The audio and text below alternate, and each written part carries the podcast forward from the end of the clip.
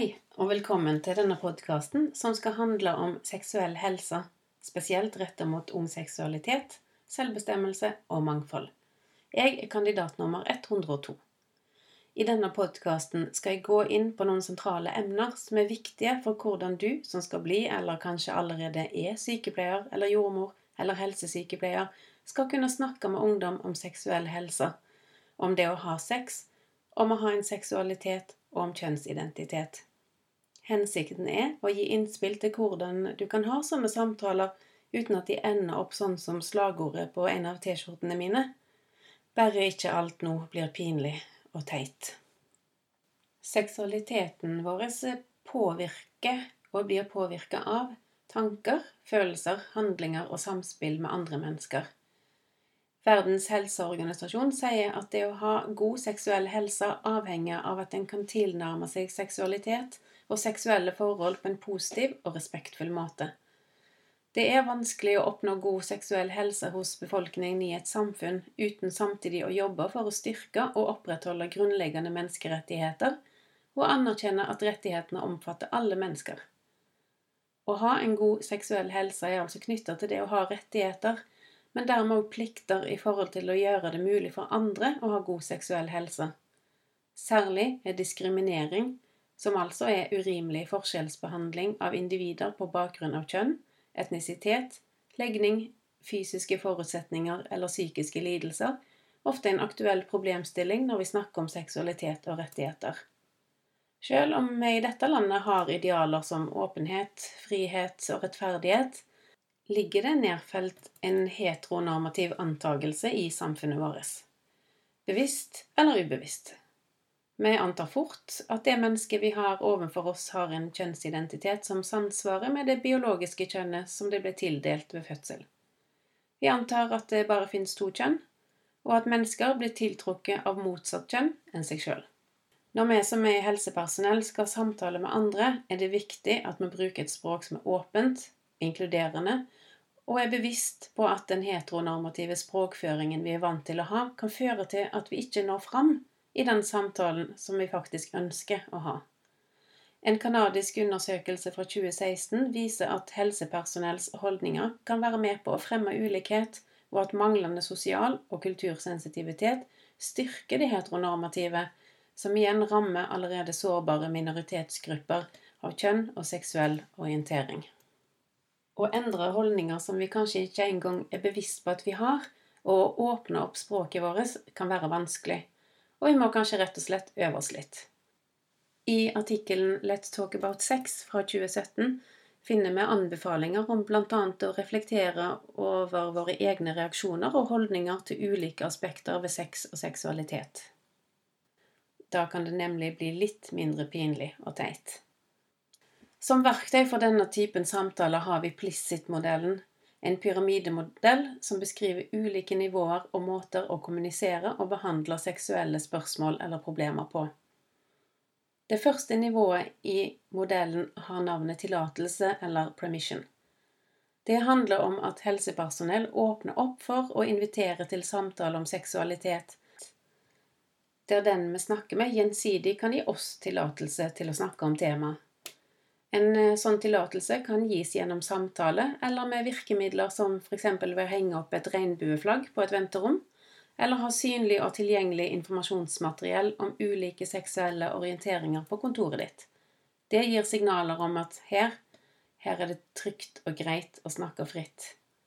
Det andre nivået i pyramiden er å gi pasienten generell informasjon, eller limited information. F.eks. gi generelle helseråd eller gi informasjon om interesseorganisasjoner, hjelpetjenester eller helsetilbud pasienten eller brukeren kan kontakte eller benytte seg av. Ved det tredje nivået, som omhandler spesifikke forslag, specific suggestions, er kravene til kunnskap og erfaring større. Her skal en kunne gi faglig begrunna individspesifikke råd knytta til pasientens situasjon og det krever gjerne videreutdanning eller mye relevant arbeidserfaring å kunne bidra her. Fjerde nivå omhandler terapi eller intensive therapy og kan bare tilbys av personell med spesialkompetanse på området. For nå å knytte sammen teori og praksis, så skal jeg spille et lite klipp av en samtale. Dette er et rollespill der Maria på 15 år kommer til samtale og ønsker å snakke om at hun ikke får orgasme når hun har sex med kjæresten sin. Følg med nå. Eh, det er liksom Jeg vet ikke engang hvordan det skal føles, på en måte.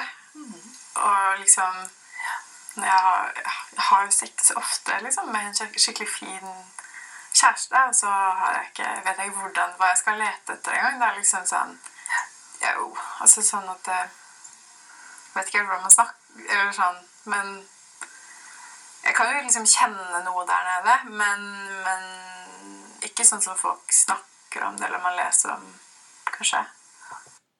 I dette korte lydklippet så fins det flere poenger å reflektere over, og som jeg håper at du vil ta med deg etter å ha lytta til denne podkasten. For det første, hvem er Maria? Maria presenterer seg med et navn som indikerer at dette er ei jente, men er det helt sikkert at det er sånn?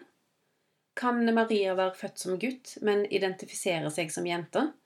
Eller være født som jente, men oppleve seg som gutt?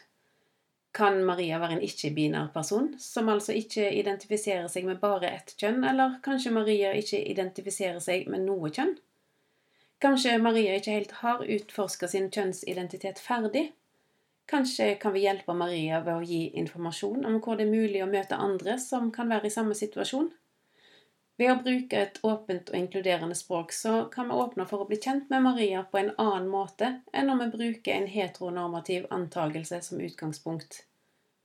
Det kan være en god vane å spørre alle hvilket eh, pronomen foretrekker du at jeg bruker om deg, og gjerne legge til jeg spør alle, ikke bare deg, det er så dumt hvis jeg sier feil. Det neste refleksjonspoenget mitt er hvem er kjæresten til Maria? Dersom jeg tenker heteronormativt, så er Maria ei jente, og kjæresten hennes er en gutt. Men Maria sier ikke det. Det kan være naturlig å innhente tillatelse fra Maria til å spørre, og forklare hvorfor du spør.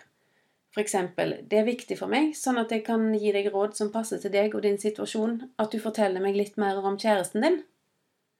Dersom det ikke kommer fram, så kan vi spørre direkte. Kan du fortelle meg om kjæresten din er en gutt eller ei jente? Eller hvilket pronomen eh, foretrekker kjæresten din å bruke om seg sjøl? Så til neste punkt.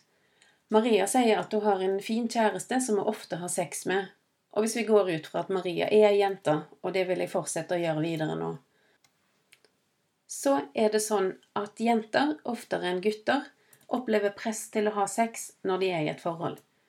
De mestrer ikke like godt som gutter å ta ansvar for egen nytelse, og tenker i høyere grad enn gutter at det er partnerens ansvar å gi de nytelse.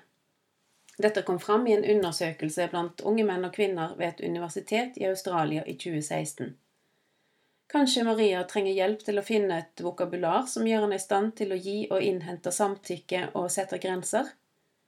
Å gi og få samtykke er en grunnleggende faktor for ei god seksuell helse, og hvordan man forstår begrepet samtykke, bør være en viktig del av samtaler med unge og voksne om sex og seksualitet.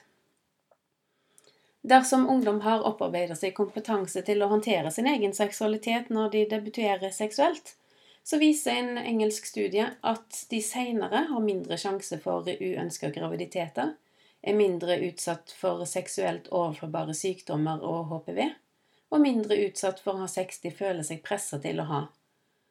Derfor er det viktig at vi som helsepersonell kan fronte en sexpositiv holdning. Det vil si at vi er åpne for samtaler og informasjon, og ikke ser på sex som noe ungdom ikke skal ha eller skal få informasjon om eller tenker at seksuell aktivitet hos unge er problematferd på linje med rusmisbruk og utagering. Undersøkelser viser videre at mange unge bygger sine antakelser om seksualitet basert på kilder som digitale eller analoge medier, pornoindustri eller kunnskapsoverlevering fra venner. Sitter Marie inne med et bilde av sex som er henta fra kilder som kanskje ikke gir et realistisk bilde av hva sex er, og hva det innebærer å være et seksuelt vesen. Det er mye å tenke på når man skal ha samtaler med unge, om sex og seksualitet, og det er lett at man blir redd for å gjøre feil, og dermed vegrer seg for å åpne opp for samtale. Men tenk på at hvis alt blir pinlig og teit, så er det lov å lene seg litt framover, se på den andre og si 'Unnskyld, nå sa jeg visst noe skikkelig dumt. Kan vi prøve en gang til?'